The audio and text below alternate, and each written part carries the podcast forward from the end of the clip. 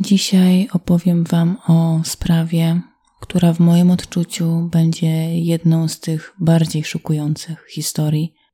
Opowiem Wam o masakrze, jaka rozegrała się w małym domku pośrodku lasu.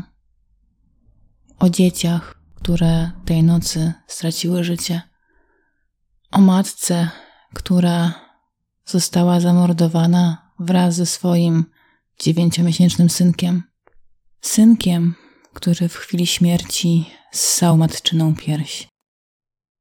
Opowiem Wam o tym, jak ktoś bez mrugnięcia okiem postanowił odebrać życie całej rodzinie i jak irracjonalne były jego motywacje. Zapraszam Was do wysłuchania historii o masakrze w Ludwikowie.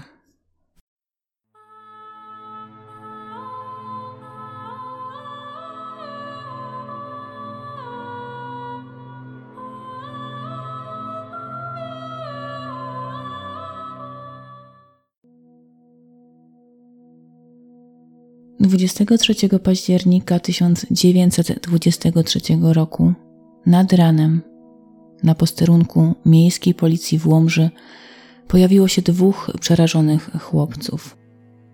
Zaspany posterunkowy, zdziwiony nagłym przybyciem niespodziewanych gości, poderwał się na równe nogi. Bandyci! Bandyci wymordowali mi całą rodzinę! krzyczał jeden z chłopców. Funkcjonariusz, widząc roztrzęsionych chłopców, próbował zachować spokój i zgromadzić jak największą ilość informacji. Okazało się, że krzyczącym chłopcem był trzynastoletni Aleksander Dzik, syn leśnika, który w kwietniu tego roku przeprowadził się wraz z rodziną do pobliskiego Ludwikowa za pracą. Jego kompanem był równie roztrzęsiony rówieśnik Stanisław Szewczyk – syn gosposi, która jeszcze do niedawna służyła w folwarku u państwa przybyłowskich, czyli dokładnie w tym samym miejscu, w którym pracował ojciec Aleksandra. Jakiś czas wcześniej matka Stanisława została jednak zwolniona ze służby i wróciła do Łomży, do swojego miasta rodzinnego. Syna nie do końca wiedzieć dlaczego pozostawiła pod opieką państwa dzików. Obaj chłopcy przybiegli na komisariat z folwarku Ludwikowo, oddalonym od Łomży o 12 km, mniej więcej 12 km. Gdybyśmy dziś chcieli odszukać na mapie Ludwikowo, to musielibyśmy odszukać małą miejscowość, chyba nawet wieś, która nazywa się e, Olszyny Kolonia. Osada bowiem zmieniła swoją nazwę po II wojnie światowej. Ale wracając do roku 1923, według relacji chłopców, cała rodzina Antoniego Dzika, leśniczego folwarku, została wymordowana przez nieznanych intruzów, którzy napadli nocą na ich dom. Ze wszystkich 11 osób, które w chwili napadu znajdowały się w zaatakowanym domu, jedynie trzy uszły bez szwanku. W chwili ataku Aleksander i Stanisław spali w kuchni, w odróżnieniu od pozostałej reszty rodziny, która spała w pokoju, w izbie. Trzynastolatek, którego zbudził hałas, postanowił, że spojrzy przez dziurkę od klucza i zobaczy, co też takiego dzieje się w izbie obok. Tak też zobaczył, że nieznani sprawcy mordują całą jego rodzinę. Przerażony, nie wiedząc za bardzo, co ma zrobić, otworzył okno i uciekł w głąb lasu. Jego rówieśnik, Staś, schował się ze strachu pod kołdrą, przez co najprawdopodobniej nie został zauważony przez napastników. Ostatnią osobą, której udało się przeżyć napad, był Antoni Dzik, głowa rodziny. Aspirant Jan Jarosiński, usłyszawszy tę potworną relację, udał się we wskazane przez chłopców miejsce. Po przekroczeniu progu mieszkania jego oczom ukazał się iście krwawy widok. Na jednym z łóżek leżała 35-letnia Katarzyna Dzik, żona Antoniego. Kobieta miała przestrzeloną pierś. Na niej lub obok niej leżało dziewięciomiesięczne niemowlę. Był to najmłodszy syn Antoniego i Katarzyny, Edward. Niemowlę w chwili ataku ssało matczyną pierś, jednak ten widok zdawał się kompletnie nie mieć znaczenia dla nieczułego na takie detale napastnika, który roztrzaskał maleństwu czaszkę, najprawdopodobniej siekierą. Na łóżku obok, z roztrzaskaną głową, leżało ciało 70-letniej matki Antoniego. Na podłodze, w kałużach krwi, odnaleziono ciała dwóch kolejnych ofiar masakry: 14-letniego Józefa oraz 12-letniego Antoniego. 10-letnia Helena, 7-letnia Zosia oraz 5-letni Staś, choć dzieci były w ciężkim stanie, to nadal dawały oznaki życia. Wezwana karetka pogotowia czym prędzej popędziła z rannymi do najbliższego szpitala. Zosia niestety zmarła jeszcze w karetce, ale dla pozostałej dwójki wciąż była nadzieja. Pośród ciał swoich bliskich w pokrwawionej koszuli siedział 40-letni Antoni Dzik. Zapłakany mężczyzna opowiedział śledczym o tym, czego był świadkiem, o tym potwornym zajściu. Tak wszystko wyglądało jego oczami. O drugiej w nocy usłyszałem na dworze strzał. Skoczyłem do okna i ujrzałem trzech chłopów, dwóch bardzo wysokich, a trzeci był średni. Dochodzili do chałupy. Od razu pomyślałem, że to są bandyci i idą do mnie po dolary, bo ludzie wiedzieli, że ja mam dostać po bracie z Ameryki 10 tysięcy dolarów. Widząc trzech drabów z karabinem, zląkłem się i schowałem pod łóżko, myśląc, że przecież nic złego nie zrobią kobietom ani dzieciom. Tymczasem bandyci weszli do chałupy i zażądali wyciągnięcia dolarów. Żona powiedziała, że o niczym nie wie, a wtedy jeden wrzasnął: Ja cię nauczę, cholero. Zaraz strzelił do niej z karabinu. Potem zabijali po kolei matkę i dzieci. A ja leżałem pod łóżkiem i nie mogłem wyjść na pomoc, bo ich było trzech i byliby mnie od razu zamordowali. Dzieci wołały: Tatusiu, ratuj! Ale jakże ja miałem ratować? Dopiero wylazłem z pod łóżka, jak sobie poszli, przetrząsnąwszy cały dom do góry nogami. Zabrali mi 350 tysięcy marek, karabin, który miałem schowany na strychu i srebrny zegarek. Dzik, zapytany o przesiąkniętą krwią koszulę, wytłumaczył, że kiedy leżał schowany pod łóżkiem, to łóżko przesiąknęło krwią jego zamordowanej żony i obficie kapała na jego koszulę. Zeznanie dzika pokrywało się z ustaleniami śledczych. Ostatnio dość często słyszało się, że w okolicznych lasach kręcą się podejrzane osoby. Jak zeznał aspirant Jan Jarosiński, rzeczywiście myślałem, że to byli bandyci, tym więcej, że tego wieczora był napad na furmanów z pobliskiego dworu. Zarządzono więc obławę na bandytów. Komisarz Jan Żurawica w porozumieniu z aspirantem Janem Jarosińskim zarządzili, by otoczyć 40-kilometrowy obszar leśny otaczający siedzibę Antoniego Dzika. W akcji wzięły udział dwie kompanie tamtejszego garnizonu, pluton żandarmerii i miejscowa ludność, która na wieść o tragedii, jaką została dotknięta rodzina Dzika, zaoferowała swoją pomoc. Obławę potraktowano bardzo poważnie. Przetrząśnięto wszystkie gąszcze i manowce leśne oraz przeprowadzono rewizję we wszystkich sąsiadujących z folwarkiem wsiach. Cała akcja trwała trzy dni. Nie natrafiono jednak na żaden ślad bandytów. Wtedy też przyłapano Antoniego Dzika na próbie zabójstwa ocalałego z masakry syna Aleksandra. Antoni spuścił chłopaka 15 metrów w głąb studni, najprawdopodobniej żywiąc nadzieję, że tym sposobem chłopak się utopi. Przyłapany na gorącym uczynku tłumaczył się śledczym, że wcale nie miał zamiaru krzywdzić swojego syna. Po prostu wyślizgnęło mu się wiadro. No i wiecie, taki dziwny zbieg okoliczności sprawił, że akurat w tym wiadrze był jego trzynastoletni syn. Policja po nieudanej obławie nie była już jednak tak łatwowierna, jakby życzył sobie tego Antonidzik. Trzynastoletni Aleksander, który chyba zrozumiał, że jego ojciec właśnie próbował odebrać mu życie, postanowił zmienić swoje zeznania. Żadnych bandytów nie było.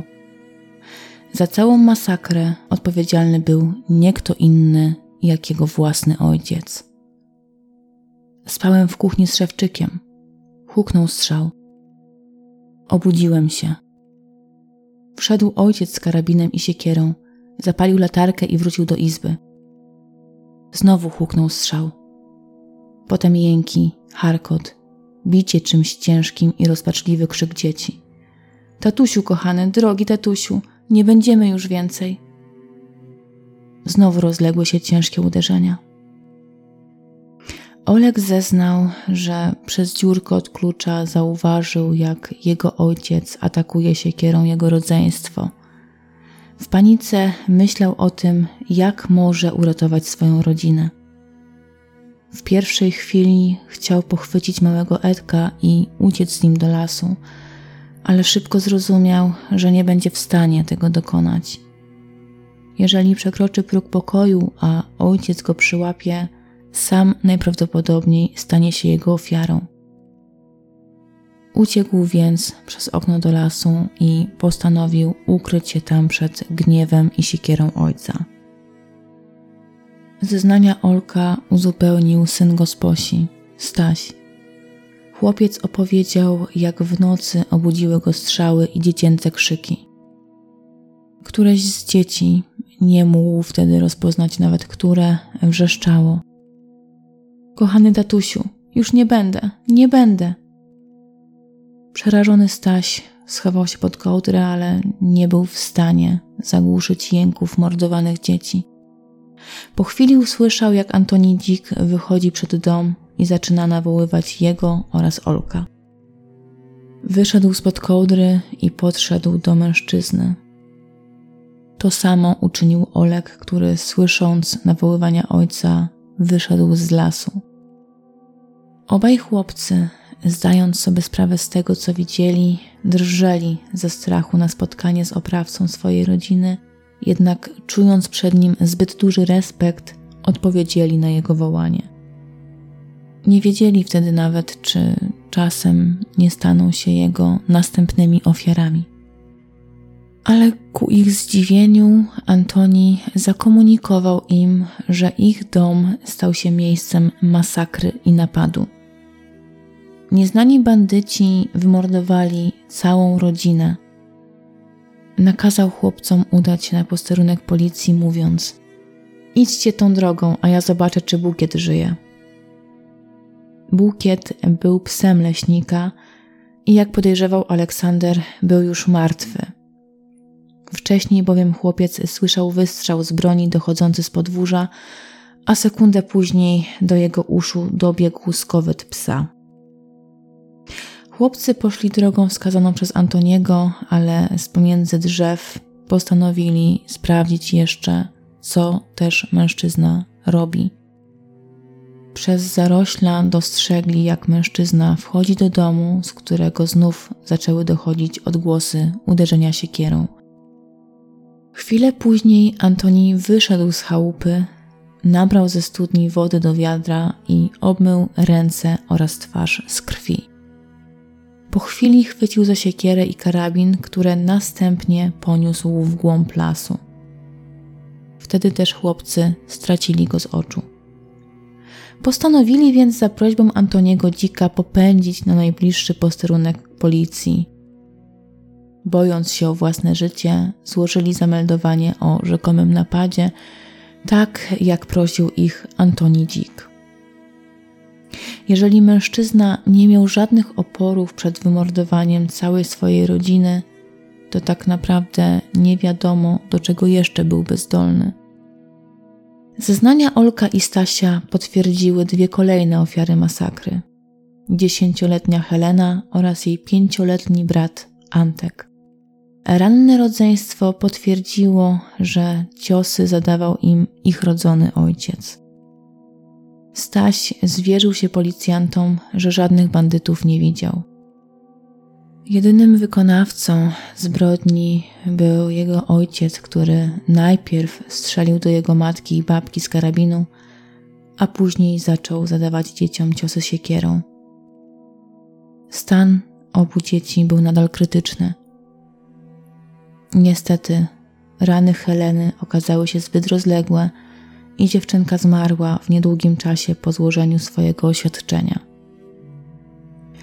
Kierując się zeznaniami chłopców, e, policja jeszcze raz zarządziła przeszukanie terenu leśnego.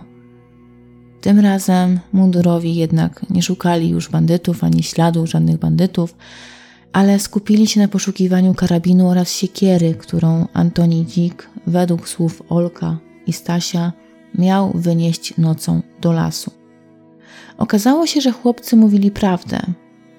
Głęboko w lesie policja odnalazła zakopany wcześniej karabin, a wraz z nim siekierę. Antoni Dzik, przygwożdżony zeznaniami i dowodami, przyznał się do udziału w morderstwie. Ale stwierdził, że wcale nie działał sam. Owszem, zamachnął się siekierą na Antka i Helenę, ale całą resztę rodziny wybił Franciszek Piechociński. Jak stwierdził, mordowałem, ale byłem podmówiony przez Piechocińskiego i jego córkę. Piechociński mordował ze mną.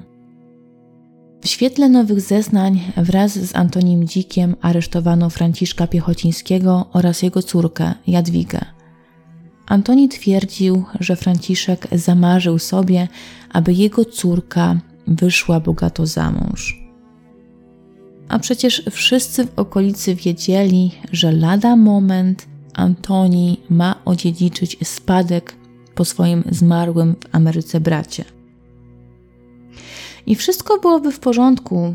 Jadwiga była bardzo urodziwą dziewczyną, na którą nie jeden chłopak w okolicy miał chrapkę, ale był tutaj jeden mały problem. Na drodze do szczęścia i do orzenku stała rodzina Antoniego Dzika. Franciszek przekonywał Antoniego, że jeżeli razem pozbędą się jego starej rodziny, to ten z powodzeniem będzie mógł założyć nową. Był przecież jeszcze dość młody, a jego córka na pewno powije mu jeszcze co najmniej kilkoro dzieci. Po cóż więc ma się przejmować starą żoną i dziatwą, z którą musiałby się podzielić spadkiem, skoro może w łatwy sposób rozpocząć nowe życie u młodej, pięknej żony? Wystarczy jedynie upozorować napad. Antoni Dzik, Franciszek Piechociński oraz Jadwiga Piechocińska za więziennymi murami oczekiwali na proces, który ruszył w maju 1924 roku. Rozprawa odbyła się w sądzie okręgowym w Łomży. I tutaj nie do końca wiadomo, dlaczego nikt nie przyjrzał się sprawie dokładniej, gdyż już na wstępie oskarżony Piechociński oraz jego córka zostali oczyszczeni z jakichkolwiek zarzutów. Okazało się, że ojciec oraz córka przez wiele, wiele miesięcy siedzieli zamknięci w areszcie za niewinność, tylko dlatego, że nikt dokładnie nie zbadał sprawy. A jak to wszystko wyglądało? Już Wam mówię. Okazało się, że w dniu popełnienia zbrodni nikt nie widział Piechocińskiego ani w pobliżu folwarku, ani nawet w towarzystwie samego dzika. Świadkowie wręcz donosili, że Piechociński żył z dzikiem w konflikcie. Dzieliły ich jakieś stare porachunki – Antoni po prostu wykorzystał więc swoją niechęć do mężczyzny i stwierdził, że upiecze dwie pieczenie na jednym ogniu. Oskarżając Franciszka o współudział w zbrodni, a nawet nie o współudział, tylko wręcz o namówienie y, Antoniego do zbrodni, umniejszał swojej roli w tym ohydnym procederze, a jednocześnie mógł się zemścić na mężczyźnie. Cały szereg świadków zeznał również, że Piechociński udał się w stronę folwarku dopiero w momencie, w którym do mieszkańców dotarła wieść o bandyckim napadzie. Świadek Hermanowski zeznał nawet, że to właśnie z nim Piechociński wszedł do mieszkania, w którym rozegrała się tragedia. Piechociński, widząc ciała pomordowanych, zwłaszcza małych dzieci, miał wpaść we szloch, a kiedy usłyszał, że jedna z dziewczynek jeszcze rzęzi, rzucił się na ziemię, chwycił małą w ramiona i zaczął ponaglać dzika, by ten ratował swoje dziecko. Zdawało się, że ten obcy mężczyzna wykazywał większą troskę o cierpiące dzieci niż ich własny ojciec. Dzik miał bowiem odpowiedzieć: Nic z niej już nie będzie. Nie będę je brał, bo muszę bydłu dać jeść. Po czym odwrócił się na pięcie i pozostawił oniemiałego Piechocińskiego z córką w ramionach. Sam Piechociński przyznał, że jeszcze w chałupie dzika usłyszał od Antoniego takie oto słowa. Skoro tak rozpaczałeś nad moją rodziną, to teraz sobie trochę posiedzisz. Zachowanie dzika tuż po masakrze rzuciło bardzo dużo światła na całą sprawę. Jego obojętność wobec śmierci najbliższych, jego brak jakiejkolwiek chęci pomocy świadczyły raczej o tym, iż mężczyzna zdawał się nie przejmować faktem, iż właśnie przed chwilą stracił niemal całą swoją rodzinę. Antoni bardziej martwił się o swoje bydło niż o swoją żyjącą jeszcze i najprawdopodobniej cierpiącą z bólu córkę. Gdzie się podział ten zapłakany mężczyzna, który tak rozpaczał po przyjeździe policji? Antoni Dzik okazał się zgrabnym manipulantem, który brawurowo odegrał rolę zatroskanego męża i ojca. Przed swoimi sąsiadami nie czuł się już w obowiązku, by udawać i chyba nawet nie zdawał sobie sprawy, że właśnie to może go zgubić i przeważyć w sądzie na jego niekorzyść. Świadek Hermanowski natomiast zapewnił alibi, niepodważalne alibi Piechocińskiemu, oskarżonemu Piechocińskiemu, który tak naprawdę skierował się do chałupy Antoniego Dzika dopiero w momencie, w którym wszyscy inni dowiedzieli się o zbrodni. Mężczyzna nie byłby w stanie wymordować razem z Antonim Dzikiem całej jego rodziny, wrócić do swojej chałupy, przebrać się, no bo nie oszukujmy się, ale biorąc udział w takiej masakrze, jego ubranie na pewno byłoby przyciągnięte krwią, a potem od razu, kiedy do uszu mieszkańców doszły informacje o napadzie, zebrać się i ponownie ruszyć do chałupy dzika. Żeby tego dokonać, to Piechociński musiałby mieć jakieś turbo przyspieszenie. Niewinność Piechocińskiego potwierdził również syn dzika, Aleksander, który przed sądem zeznał. Mordował sam ojciec, Piechociński niewinny. Ponadto śledztwo bezspornie wykazało, że Antoniego Dzika kompletnie nic nie łączyło z Jadwigą Piechocińską. Kobieta nawet nie myślała o tym, by wychodzić za niego za mąż. Za to znalazło się sporo świadków, którzy wiedzieli o jego romansie z Heleną Szewczyk, matką 13-letniego ocalałego z masakry Stasia, a jednocześnie zwolnioną ze służby gosposią państwa przybyłowskich. Kobieta została zatrudniona w folwarku właśnie z polecenia Antoniego Dzika, który przeprowadzając się wraz z rodziną wydał Szewczykowej jak najlepsze referencje.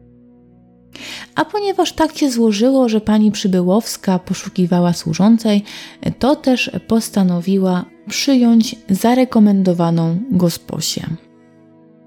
Tak też Antoni Dzik sprytnie sprowadził do Ludwikowa nie tylko swoją rodzinę, ale i swoją kochankę.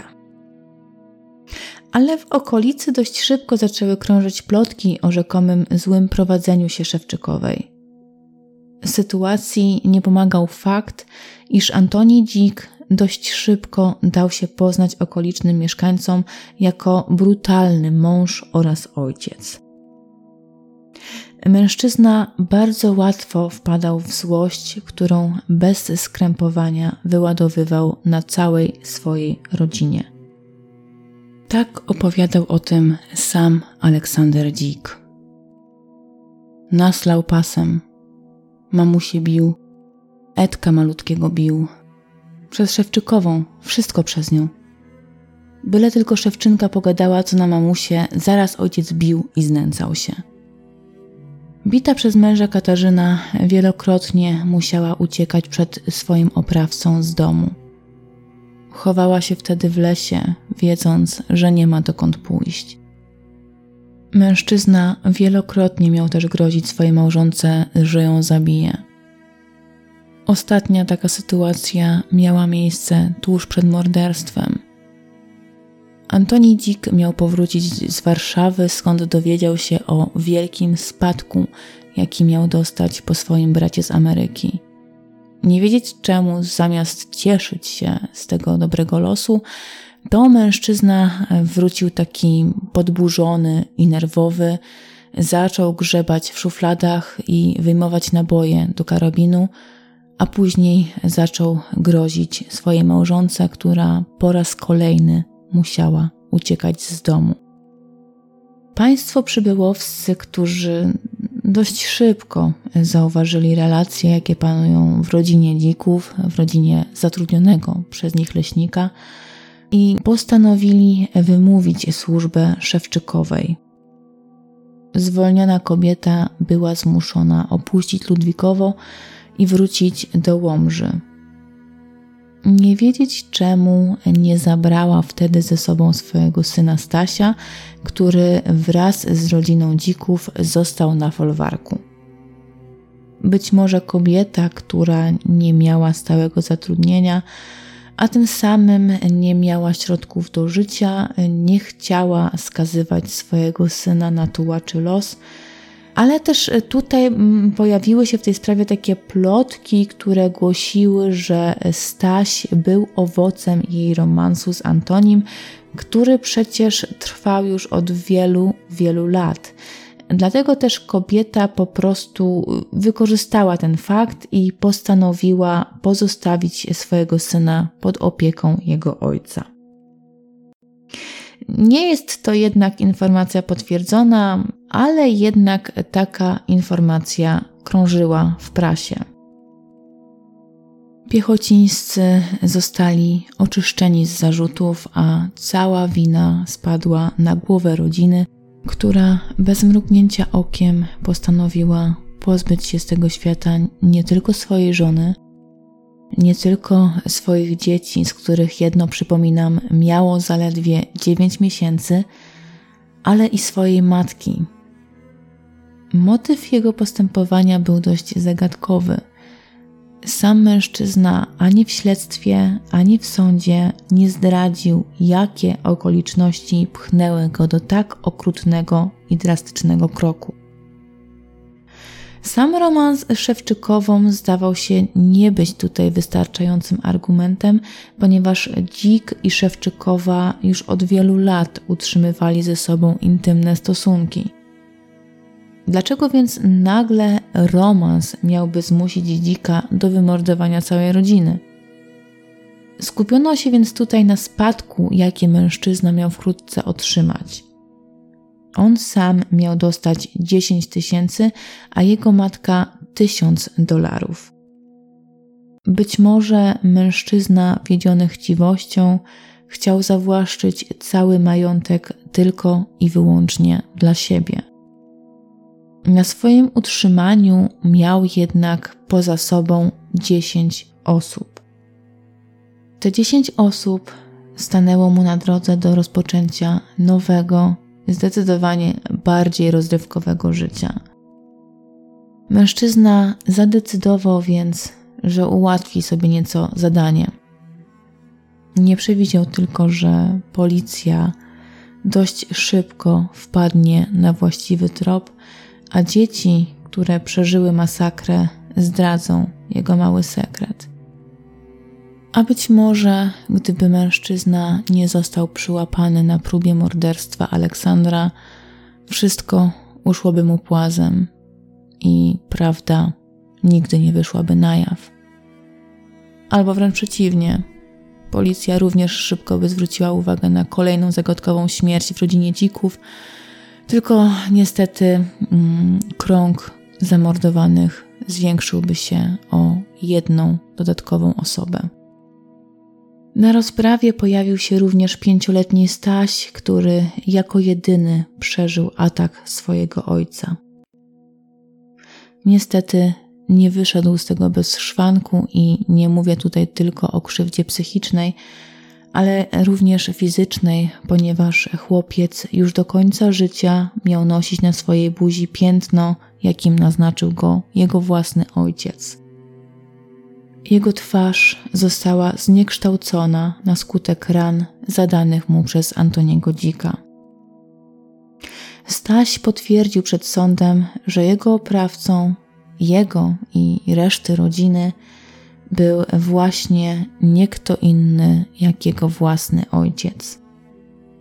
Strzelał tatuś do babci, mamusi, bił dzieci, mnie bił. Badania psychiatryczne nie wykazały u oskarżonego mężczyzny żadnych śladów choroby psychicznej. Antoni Dzik był w pełni poczytalny w chwili popełnienia zbrodni, a jego rodzina nie była obciążona dziedzicznie. Antoni Dzik w swoim ostatnim słowie prosił sąd o wymierzenie mu kary śmierci. I sąd też przychylił się do jego prośby mężczyzna został skazany na śmierć przez rozstrzelanie.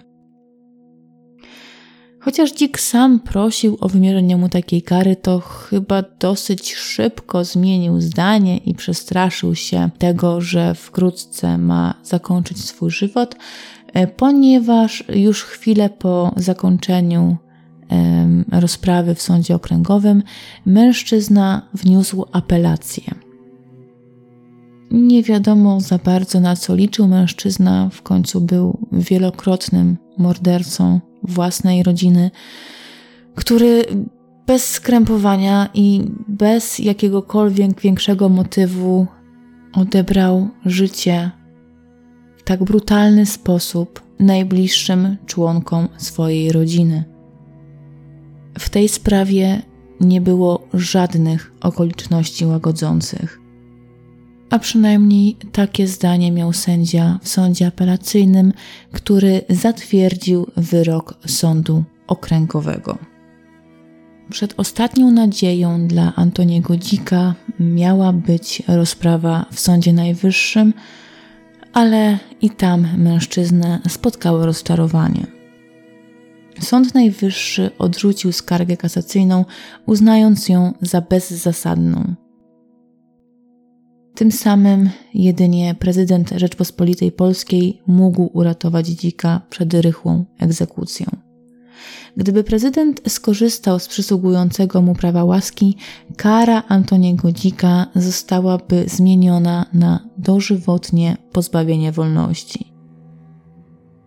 Ale prezydent II RP, tak samo zresztą jak wcześniej sąd apelacyjny, nie dopatrzył się żadnych okoliczności łagodzących i tym samym wyrok śmierci stał się prawomocny. 16 października 1924 roku o godzinie 5 nad ranem na plac więzienny przybyło 10 obywateli miasta, którzy zostali wydelegowani przez zarząd w celu asystowania przy wykonaniu wyroku. Pół godziny później na miejscu pojawił się 33 Pułk Piechoty. Wyrok miało wykonać ośmiu żołnierzy, którzy stanęli pośrodku utworzonych dwóch szpalerów. O godzinie 5.45 Antoni Dzik został wyprowadzony na dziedziniec. Towarzyszył mu ojciec kapucyn Beniamin, który wcześniej wyspowiadał mężczyznę, oraz czterech żołnierzy i służba więzienna. Skazaniec prosił, aby nie przywiązywać go do stojącego pośrodku słupka, twierdząc, że będzie w stanie ustać sam. Jego prośba nie została jednak spełniona, zresztą chyba zabraniały tego przepisy. Przed wykonaniem wyroku skazany mężczyzna przemówił do prokuratora jako przedstawiciela Rzeczpospolitej. W swoim ostatnim słowie twierdził, że przeprasza całą zebraną publiczność oraz cały naród polski za zgorszenie, jakie dał przez popełnienie zbrodni nad członkami swej rodziny. Prosił o przebaczenie, a wyrok przyjmował z poddaniem się woli Bożej jako słuszną karę za popełnioną zbrodnię. Po zasłonięciu oczu Antoni Dzik zaczął się gorliwie modlić.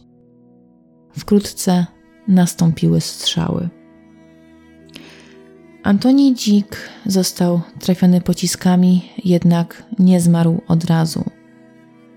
Przez kolejne minuty mężczyzna męczył się drgając konwulsyjnie. Dopiero po czterech minutach kapitan dowodzący wojskiem podszedł do skazańca i oddał strzał w jego skroń, tym samym skracając męki mężczyzny. Wyrok na wielokrotnym mordercy został wykonany. Marzenie Antoniego Dzika się spełniło. Ostatecznie mężczyzna faktycznie otrzymał spadek po swoim bracie, o który przecież tak bardzo walczył, który tak bardzo pragnął przeznaczyć tylko i wyłącznie dla siebie, a być może i dla swojej kochanki, ale tego już nie wiemy. Niestety, kiedy nastąpiła wypłata gotówki, mężczyzna przebywał już za kratkami więzienia. Podobno bardzo żałował swojego czynu, a przynajmniej tak twierdził duchowny, który spędził z Antonim Dzikiem ostatnie miesiące jego życia. Większość sumy, którą uzyskał ze spadku, przeznaczył dla szkoły rzemiosł w Łomży, ale zaznaczył przy tym, że ma ona zająć się jego dwoma synami i wyuczyć ich godziwego zawodu. Część spadku przeznaczył również na odremontowanie kaplicy więziennej, w której e, podobno zresztą sporo przesiadywał, zanim wyrok śmierci został wykonany, a resztę przekazał duszpasterzowi, aby ten odprawił mszę w intencji zamordowanej przez niego rodziny, a później w intencji jego, Antoniego Dzika, kiedy ten już będzie po drugiej stronie. W taki też sposób zakończyła się historia Antoniego Dzika, który z chciwości, najprawdopodobniej z chciwości, postanowił wymordować całą swoją rodzinę. Czy jego nawrócenie i żal za popełnione zbrodnie był autentyczny, czy też po prostu mężczyzna tak bardzo Bał się śmierci, że pod koniec swojego życia postanowił całkowicie je zmienić.